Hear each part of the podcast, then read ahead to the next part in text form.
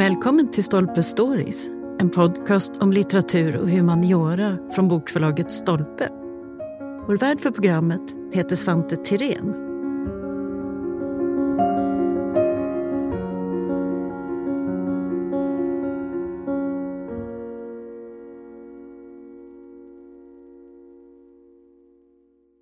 –1979 så kom boken Den narcissistiska kulturen skriven av historikern Christopher Lash. Den var en svidande kritik av 70-talets USA som enligt honom präglades av både historielöshet och en brist på gemenskap och ansvarskänsla. Istället så hade man drabbats av en slags patologisk narcissism som hotade hela samhället. Boken blev en oväntad bästsäljare och sedan dess har det här temat bara ökat i betydelse. Än idag så diskuterar man Lashs idéer i massor av olika sammanhang. Nu finns den narcissistiska kulturen i en ny svensk upplaga med ett förord skrivet av Mattias Heserus. Han är med oss här på länk idag och ska berätta mer om varför Lashs idéer fortfarande väcker debatt och engagemang. Ja, välkommen Mattias! Stort tack! Christopher Lash, han var ju historiker men valde att egentligen mest ägna sig åt liksom samtidskritik och sådär. Men om vi börjar med hans bakgrund. Vad, vad är han för sorts person? Vad, hur kommer det sig att han intresserar sig för det här? Christopher Lash är född 1932 och han växer upp i ett mycket progressivt hem. Hans eh, far är journalist eh, men hade också egentligen, eh, ska man säga, eh, akademikerdrömmar och eh, eh läste till och med i Oxford. Och eh, mo, hans mor, Zora, hon var däremot disputerad i filosofi. Så det var ett intellektuellt hem han växte upp i. Och det var liksom grunden till att han började intressera sig för dels politik, för föräldrarna var väldigt engagerade demokrater, men också då den amerikanska liberalismen, demokraternas ideologi, hur den hade utmanats, utvecklats etc. Och där börjar hans första intresse, eh, det, det är liksom hans grundintresse. Sen vad som sker är att under 60-talet så är han en eh, radikal röst på vänsterkanten och eh, eh, tillhör den här nya vänstern som är stor under 60-talet och också är en mycket uppskattad röst. Men han börjar då också skriva för New York Review of Books, för många tidskrifter och blir en, liksom en röst bland de intellektuella. Och då blir det också naturligt att han tar steget ut i att intressera sig mycket mer för så att säga samhällsfrågorna och använda det historiska perspektivet. Men han har visat vad han går för. Han är, anses vara ett underbarn. Han skriver en avhandling som är, nästan inte har några fel. Och eh, han skriver också på väldigt kort tid. Så att man, man, ser att han, man anser att han kommer ha en mycket avancerad karriär. Och han har redan gått på Harvard då, eh, när han disputerar och eh, läser sin doktorandutbildning på Columbia i New York. Men det som gör honom kanske speciell bland historikerna är att han börjar intressera sig också för många andra ämnen såsom sociologi och teologi och psykologi. Och det är det som gör att han, blir, eh, att han, att han eh, eh skiljer ut sig från de andra i skrået. Och det som är intressant är att han intresserar sig för de här ämnena för att han känner att historievetenskapen räcker inte till. Och det är för att han börjar ställa en annan typ av frågor de här stora holistiska frågorna. Han försöker liksom förstå hela samhället, vilka vi är som människor och hur vi interagerar med varandra givet samhällsformerna. Så att han liksom inte är rädd för att verkligen ta, eh, ta språnget så att säga. Nej, just det. Alltså, som akademisk historiker då är man ju väldigt noga med källor och den här så att säga, grundforskningen och detaljer. Men sen så är det de stora dragen, de stora linjerna han vill se och studera.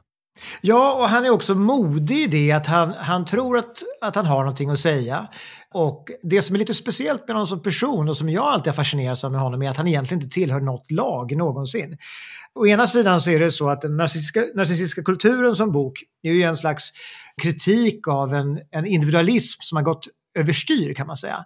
Men det som är intressant är att Christopher Lash är själv en oer, oerhörd individualist i bemärkelsen av att han, han så att säga letar efter en gemenskap men ingår aldrig i någon. Nej, just det. Han är, han är ovän med alla, kan man säga så? Ja, det kan man säga. Han lyckas hela tiden, förr eller senare. Han, han gör en del eh, samarbeten med andra, eh, med andra forskare, men eh, det slutar ofta med att han, han går sin egen väg eller att han, eh, han hamnar i, en, i svåra situationer med de som han ska samarbeta med. Mm.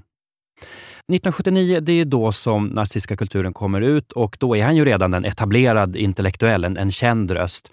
Vi kan börja skissa ut konturerna lite grann för vad boken handlar om. För som du säger, det är flera olika budskap och han tittar på allting här. Familjen, relationer, samtidsdebatt. Det är liksom allting här som diskuteras. Men om vi börjar med just narcissism. Det han menar är ju inte narcissism eller självupptagenhet i största allmänhet, va? utan det här handlar om patologisk narcissism. Kan du berätta lite vad det är han menar? Ja, och det är väldigt viktigt för Lash att det här är patologiskt kan man säga. Att det just inte är så att det, folk är lite självupptagna i största allmänhet.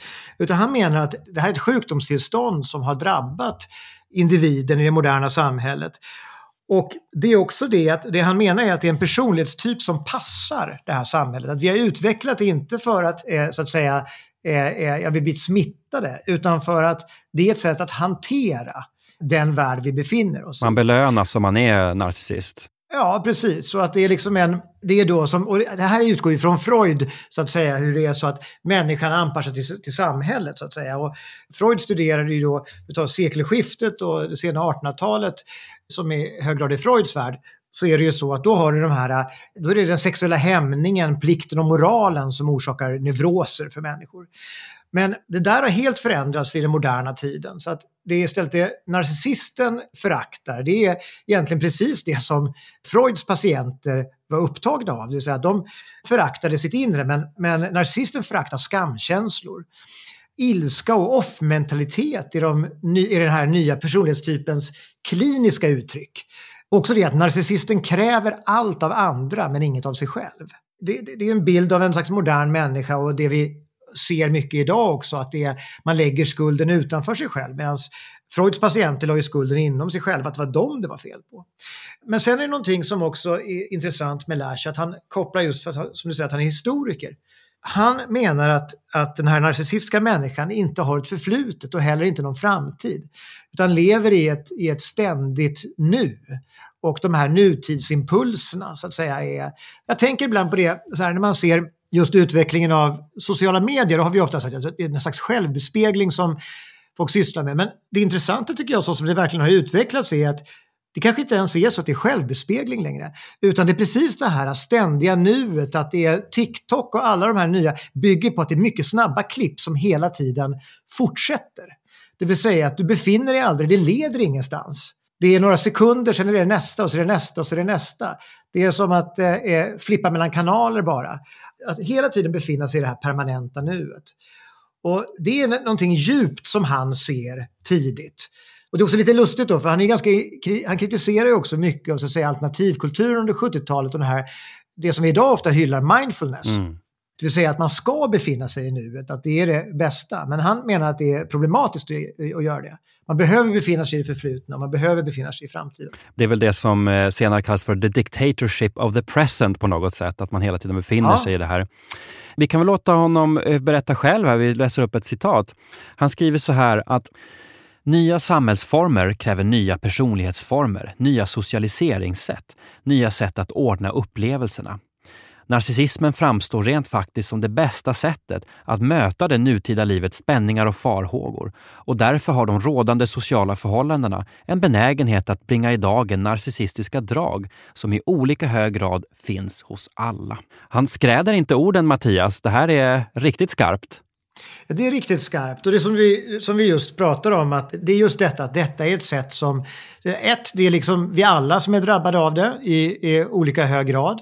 Och nummer två, att vi har drabbats för att det är vårt sätt att hantera livsomständigheterna då.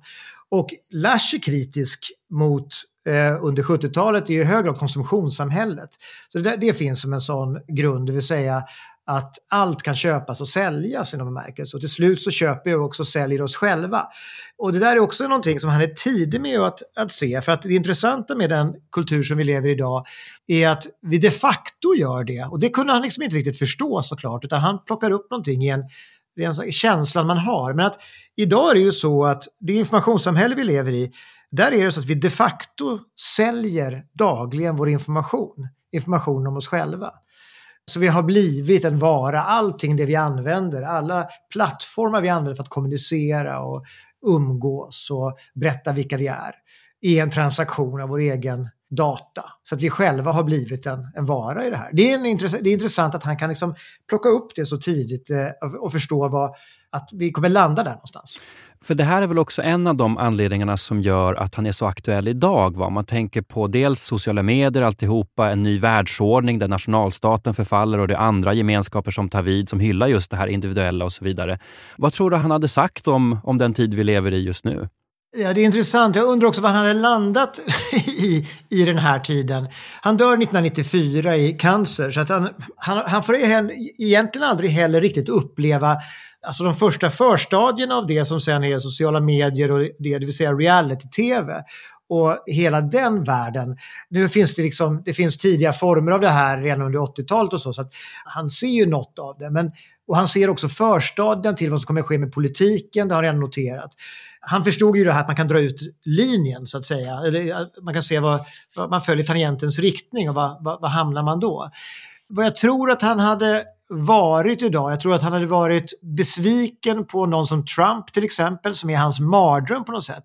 Med tanke på att han i grund och botten är ändå en populist. Och då är han populist i den gamla bemärkelsen, det vill säga att han menar att folket har en slags grund sundhet om man säger så. Att det, det finns en slags common sense, att man kan lyssna på dem som lever vanliga liv medan eh, så att säga, eliten då tenderar att skapa sina egna världar och bli allt mer världsfrånvända eller, eller de, de, de, de eh, eh eliten kan då så att säga, eh, de lever skilt från de övriga i ett samhälle. Det hade han säkert hållit fast vid. så. Men, då, men för honom hade Trump varit, kan man säga, just en mardröm. För det är ju det som då leder till demagogin. Han, han är ju snarare ute efter en slags sån här arts and craft eh, värld egentligen. Där man ligger nära, man är nära arbetet, nära familjen. Alla de sakerna. Sen, och man kan också undra om han då själv hade omvärderat sin egen syn på just eh, möjligheten att kunna skapa stabilitet via en så att säga mild folkopinion eller så. Ja, för om vi vänder på det då. Det är ju väldigt tydligt vad han är emot. Alltså hela boken så kritiserar han den samtida feminismen, sexualpolitiken, konsumtionssamhället, terapisamhället och en hel del andra saker.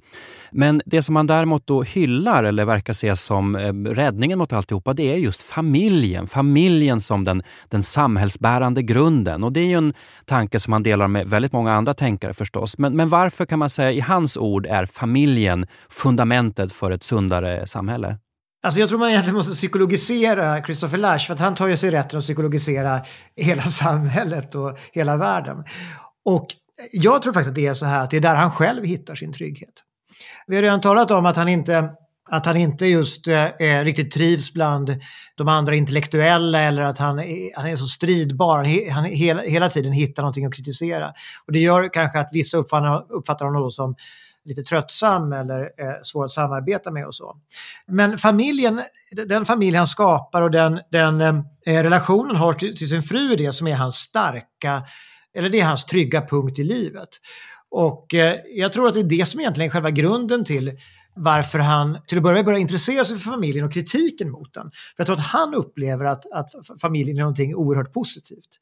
Eh, och han väljer också ett liv, trots att han är just det här underbarnet så väljer han en ganska tillbakadragen då akademisk karriär på ett mindre universitet. Han siktar inte på att få de här riktigt fina professurerna utan istället så är han då på University of Rochester eh, under hela sin karriär egentligen. Och Eh, Eh, lever där med sin familj och skriver och eh, eh, tycker också mycket om att undervisa och blir väldigt populär bland sina studenter och så.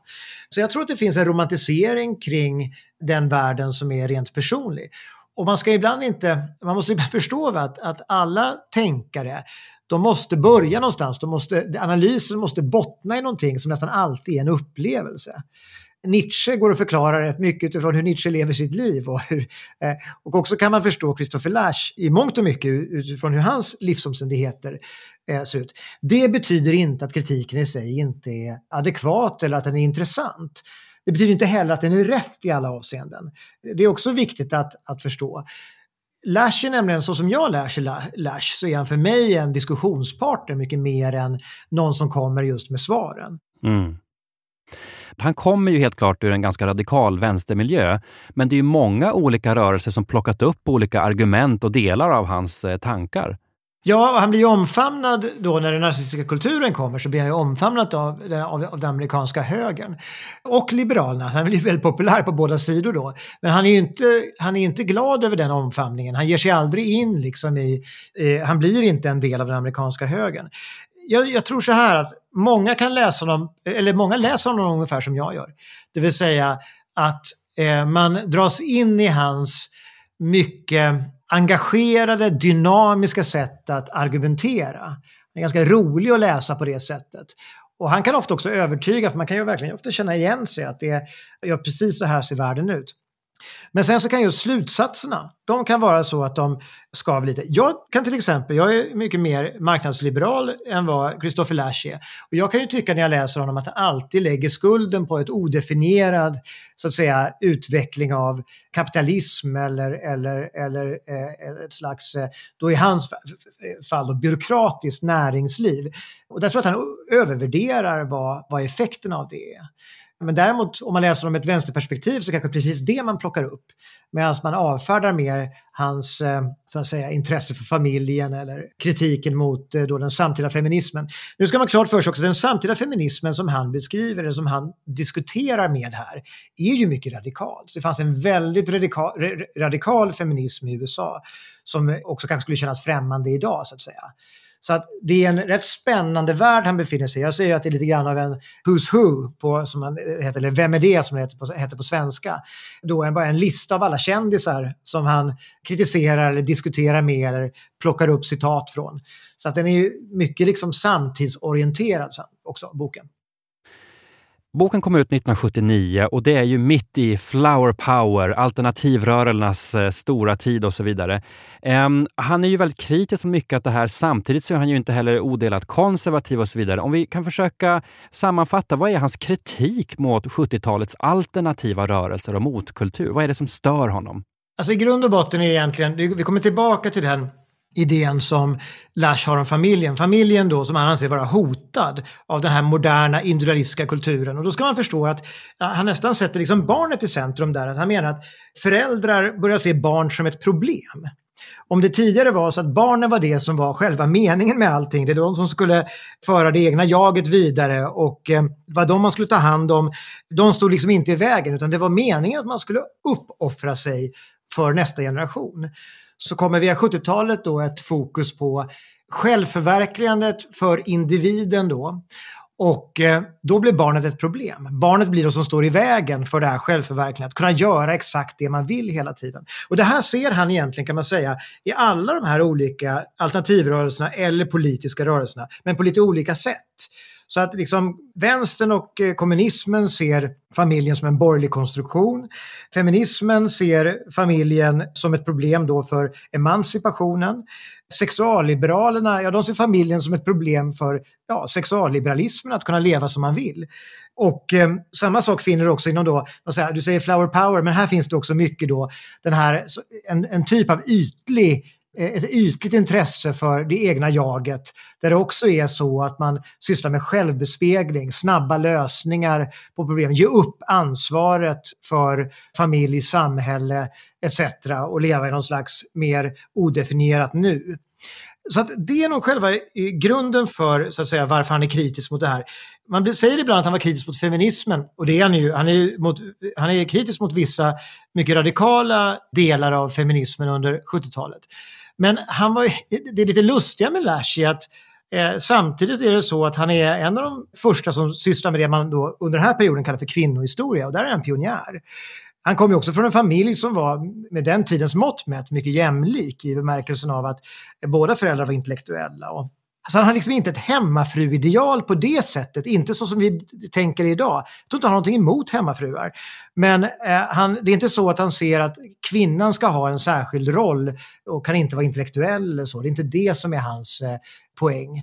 Utan han menar att det kommer alltid ske en uppoffring för barnen. Och jag brukar ibland säga att han är lite, han, han har drag av Nietzsche. Han säger att, att i, i bemärkelsen att ingenting bra kan komma utav njutning egentligen, utan allting kommer ur någon slags lidande han har en lite sån negativ syn på, på utveckling, att det liksom krävs tungt arbete eller att man måste förstå att man måste offra någonting för att stora saker ska kunna uppstå. Ja, just det. Så det är inte den revolutionära andan eller att man har långt hår eller för många sexuella partners. Det är inte det han har något emot egentligen, utan det är just bara att det blir för självupptaget. Det är ett fokus som splittrar någon ursprunglig gemenskap. Det är där skon klämmer. Ja, ja det är så jag läser honom. Jag har aldrig läst honom som egentligen liksom någon som är sådär, han är ju inte konservativ på det sättet att säga. Jag tror inte han, han det tillhörde ju liksom vänstern på 60-talet och hade nog inget emot egentligen han hade inte emot radikalet, utan han fortsätter ju också vara radikal. Han tror ju fortfarande på en radikalism i bemärkelsen av att samhället kommer omformas till någonting annat.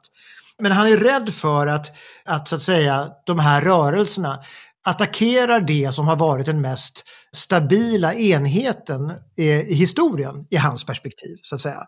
Han ser det också så, och det här är kanske också faktiskt viktigt, varför är han så intresserad av familjen? Då? Vi pratade lite grann om han om eh, att han ser den av personliga skäl som en slags trygghet och så. Men det finns också ett intellektuellt argument. Och det är att hans demokratisyn är präglad av att de små enheterna är viktiga. Du behöver ha självständiga små enheter för att kunna skapa ett bra, dynamiskt, demokratiskt samhälle. Och där ser han just från familjen som den här mest funktionella mm. enheten. Och det mest beprövade väl också? och mest beprövade. Och det är det då att, att splittra den, att attackera den då av radikala skäl.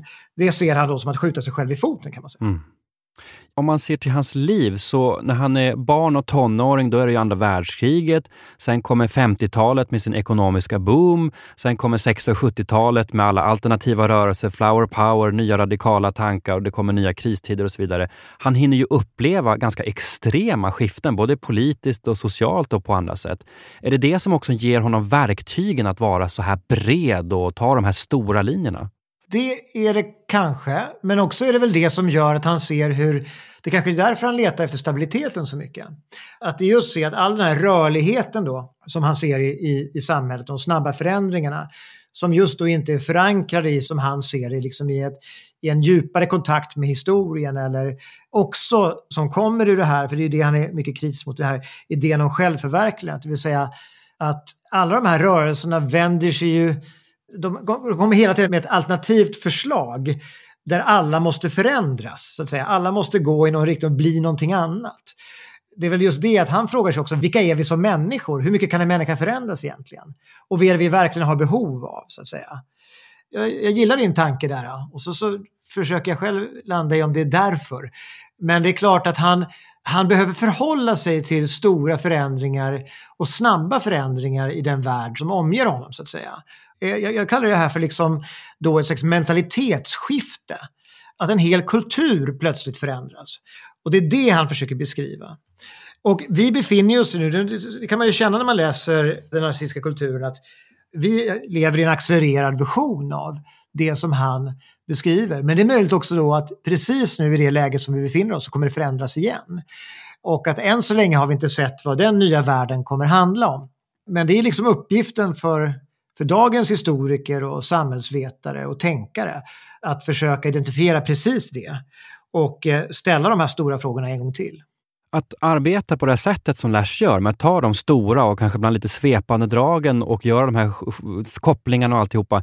Är det någonting vi är lite rädda för idag när vi ska vara lite mer specialiserade och positionerade kanske? Det, saknar vi sådana som Lash i dagens eh, debattklimat? Ja, dels tycker jag att vi saknar sådana som Lash. Två är det ju så att den här typen av arbeten premieras ju inte inom akademin, det vill säga att det är inte det man kan göra karriär på.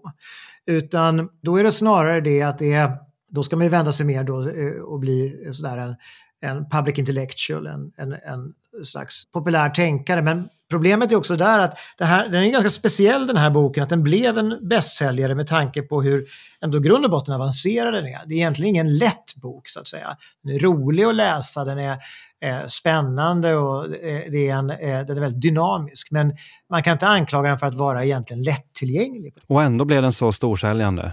Ja, och jag tror att det har rätt mycket att göra med titeln. Aha, att, ja. att ibland kan det vara så, du ska inte underskatta hur viktig titeln är här, eller egentligen att han identifierar någonting som alla kunde känna igen sig i. Det vill säga, han lyckas fånga via titeln, och det här är ju så, det är många som är intresserade av just den här problematiken under 70-talet. Så att man hade talat om jag-decenniet och många upplevde att det fanns en, en just eh, individcentrerad kultur. Va? Men att han lyckades just vi, med, med hjälp av den nazistiska kulturen som begrepp så lyckades han fånga någonting och det tror jag är en av de viktiga delarna. Sen är det ju så som sagt att alltså, han, han, går ju att läsa. Han, är inte, han, han, skriver för att, för att bli läst. Men jag menar, vad jag menar med lättillgänglig är att det inte är tillrättalagt om man säger så. Det är kanske mer i anslaget och tonen och att han fångar vissa teman mer än så att säga, färdigbakade teorier som han eh, slår igenom. Just det. Och idag så kan man ju se många av de här böckerna, jag brukar kalla dem för flygplatslitteratur, där är det ofta så att man formulerar en, en tes på de första tio sidorna som kan vara lite tankeväckande. Och sen är resten av boken egentligen bara en en del halvfärdiga tankar som bara ska ta hem tesen så att säga. Och så har man jobbat mycket med stora amerikanska förlag som vill göra den här typen av bästsäljare då. Men det, så det behö, det, jag tycker inte att det är det vi behöver mer av. Men vi skulle behöva att våra seriösa tänkare vågade ta ett steg ut ur akademin och eh, ägna tid åt den här typen av stora frågor. Och ju fler desto bättre på något sätt, för det här ska ju vara en debatt mellan många olika tänkare. Det är liksom det man måste förstå att Lash sysslar med. Det här är debattinlägg, inte färdiga svar. Ja, just det, ska stötas och blötas. En anekdot, men ändå intressant för att förstå den här bokens liksom genomslagskraft, det är ju att den kom ända upp på presidentnivå kan vi väl säga. va? Jimmy Carter blev ett fan av Christopher Lash. Kan du berätta lite om hur det där gick till? Ja, man kan väl säga att Christopher Lash själv var ganska förvånad över det. Exakt hur det gick till, hur Jimmy Carter fick boken, det, det, det, vet jag inte. Men jag tror att det handlar om att han fångar någonting som är just en känsla av att vi är på väg åt fel håll. Och många demokrater, Hillary Clinton är också en sån som tidigt är inspirerad av Lash faktiskt. Så det finns den generationens unga demokrater då, de såg också just den här strävan efter att hitta en ny typ av gemenskap igen som någonting som var viktigt och känns att man hade hamnat fel så att säga. Så att där tror jag att man ska förstå det att han, han det var många som tilltalades av det budskapet. Och också kan man väl säga ett sätt att fånga upp en, på ett sätt är det en väldigt amerikansk idé, eh, det, familje idén då som också var viktigt för, eh, utifrån ett politiskt perspektiv. så att säga. Hur kunde man förena de här, både vänsterperspektivet, kritiken mot konsumtionskulturen, men samtidigt då den här mycket amerikanska idén om familjen i centrum. Mm. Är det ett annat sätt för oss också att ta vara på Lash idag? Det är inte bara de idéer han presenterar, utan också det här att även om man inte håller med om hans slutsatser så kan man vägen dit eh, bli intresserad av hur han tar upp olika saker och sätter ljuset på fenomen och samband och så vidare. Att det är, som du sa tidigare, en, en konstant rörelse istället för de här fasta slutsatserna. Ja, eh, det, det, tycker jag absolut. Och, och att det är en, eh, man kan väl nästan vara lika intresserad av metoden som eh, eh, eh själva resultatet. Eh, han är också, som jag säger just, alltså en, en mycket driven essayist. Han berättar en, en spännande historia och får en att se saker som man kanske inte såg tidigare. Och det viktiga är också att han inkluderar oss alla, att vi alla är en del av det här. Det är inte, han attackerar liksom inte, det är inte det det handlar om. Det är inte en attack mot enskilda personer eller att det är ett politiskt parti eller någon som har varit dum eller så, utan vi är alla en del av det här. Alltså han riktar ju blicken mot oss själva så att säga. Men helt klart fick han ju rätt i väldigt mycket av det han förutspådde i alla fall och uppenbarligen så är han en röst som fortsätter att eka även i, i vårt eh, debattklimat idag. Ja, det, det gör det sannoliken. Och jag tror just det att det, ibland kan man nästan eh, tycka när man läser om att det här är väl absoluta självklarheter. Men då ska man för, just förstå det att när det formuleras 1979 så är det ganska radikalt. Mm. De som behöver läsa Lash idag, vilka tycker du det är? Är det bara så att säga akademiker eller de på hög debattnivå eller kan en helt vanlig person, om man säger, också ha nytta av, av Lash? Ja, det tycker jag verkligen. Det är som sagt en, det, det blev som sagt en bästsäljare och den, den kan absolut läsas av en så att säga, bred publik och jag står, tror att många har stor behållning av den. Det här är ju en nyutgåva, den kom ju ut i Sverige 1982 om jag kommer ihåg rätt nu, första gången. Och eh, det är också en fin översättning. Och jag läste ju själv om den när jag skrev förordet här till boken. Och jag läste den första gången nu för ungefär 20 år sedan. Och Lash är en sån person också, så när man läser dem så ser man alltid lite nya saker. Det är ofta tecknet på att det är en, en stor författare eller en stor tänkare. Där det inte alltid är samma saker man återkommer till. Och det blir också annorlunda i vilken ålder man själv är när man läser Lash. För att man plockar upp vissa delar som ung, eller gjorde jag i alla fall, och har sett helt andra delar nu när jag läst dem. Jag har till exempel varit eh, mycket mer intresserad av hans idé om familjen när jag är i ett senare skede i livet än, än vad jag var som en ung student. Just det, så det kan vara en klok sak att läsa Lash lite då och då för att upptäcka hur man själv förändras faktiskt och hitta nya positioner. Ja, ja, på så sätt är han ju verkligen ska säga, en, en klassisk tänkare, det vill säga varför, han, varför hans arbeten kvalar in som klassiker. Det är att sådana tänkare måste fungera på det sättet, det vill säga de måste vara så pass mångfacetterade och ha så pass mycket djup. Eh, det måste finnas så mycket djup i det de säger att man kan återvända till dem och se någonting nytt. Och det är det precis det man kan, man kan göra med honom. Och man kommer bli inspirerad av vissa saker som han skriver och förstå saker på ett nytt sätt. Och man kommer också irritera sig på andra saker han skriver som man kanske inte gjorde första gången man läste. Mm. För oss här i Sverige då, om vi tänker idag, så diskuterar vi precis som man gör på annat håll om problemen med alltså ett allt mer polemiskt samhälle, fortsatt självupptagenhet, de sociala mediernas liksom terrorvälde över våra liv och så vidare. Men vad tycker du vi just i det svenska debattklimatet kan ta till oss från Lash och hans teorier? Ja, framförallt kanske det att det inte är någon annans fel. Alltså, eh, mycket av det, eh, av det polemiska i, eller så att säga konfliktlinjen handlar om att det är någon annan som gör fel och man själv inte bär ansvar. Att den egna sidan sitter inne på sanningen. Och det tror jag Christopher Lash, som trots själv är väldigt polemisk, han har, ingen, han har inga problem med att bråka om man säger så. Men han, han skulle nog säga det att det viktiga är trots allt det, är, är, är just att komma bort från känslan av offermentalitet, att förstå att man själv är lösningen. Det är inte någon annan som ska ändra sig eller, eller rättare sagt, även om, det, även om det skulle vara så så är det väldigt svårt att få till en förändring hos en annan människa som man inte har makt över eller, eller, eller är bunden till. Och det är inte heller ett sådant samhälle som man vill ha där andra ska diktera vad individerna ska göra, utan vi måste börja med oss själva och det är det som är, man kan säga att Lash emot självbespeglingen, det vill säga den stumma självbespeglingen som bara är att betrakta, sig, eh, eh, eh, betrakta sin avbild. Men däremot, jag skriver det i förordet, han tar historien till hjälp och vill att vi ska kunna utveckla oss själva genom att använda oss av, av, historien. Det vill säga jag ser det som en, jag skriver att det är en källa att dricka ur istället för att spegla sig i. Och, och det tror jag är det vi kan ta med oss från Lash, att han är intresserad av självreflektion. Men en självreflektion som leder till en fördjupning av oss själva och också en, ska vi säga, en, en förståelse av vår omgivning och andra människor. Och det är bara det som kan skapa då den här gemenskapen som man ändå i grund och botten längtar efter, så att säga. För att kunna möta andra måste vi först förstå oss själva på djupet. Och det gör vi inte via då det som han var kritisk mot, de här snabba, enkla lösningarna. Två timmar terapi eller eh, onlinekursen eller meditationshelgen eller så. Utan det är ett mycket, mycket tyngre och svårare arbete och ett smärtsamt arbete. Och det tror jag vi kan ta med oss idag. Det vill säga att eh, det är upp till oss, inte till någon annan. Ja, just det. Självreflektion snarare än pajkastning och att bottna i det gemensamma ansvaret. Det är några av de klokskapar vi kan ta med oss alltså från Christopher Lash. Ja, vi får se vilken roll han kommer fortsätta spela här, men stort tack för att du var med Mattias. Stort tack för att jag fick vara med.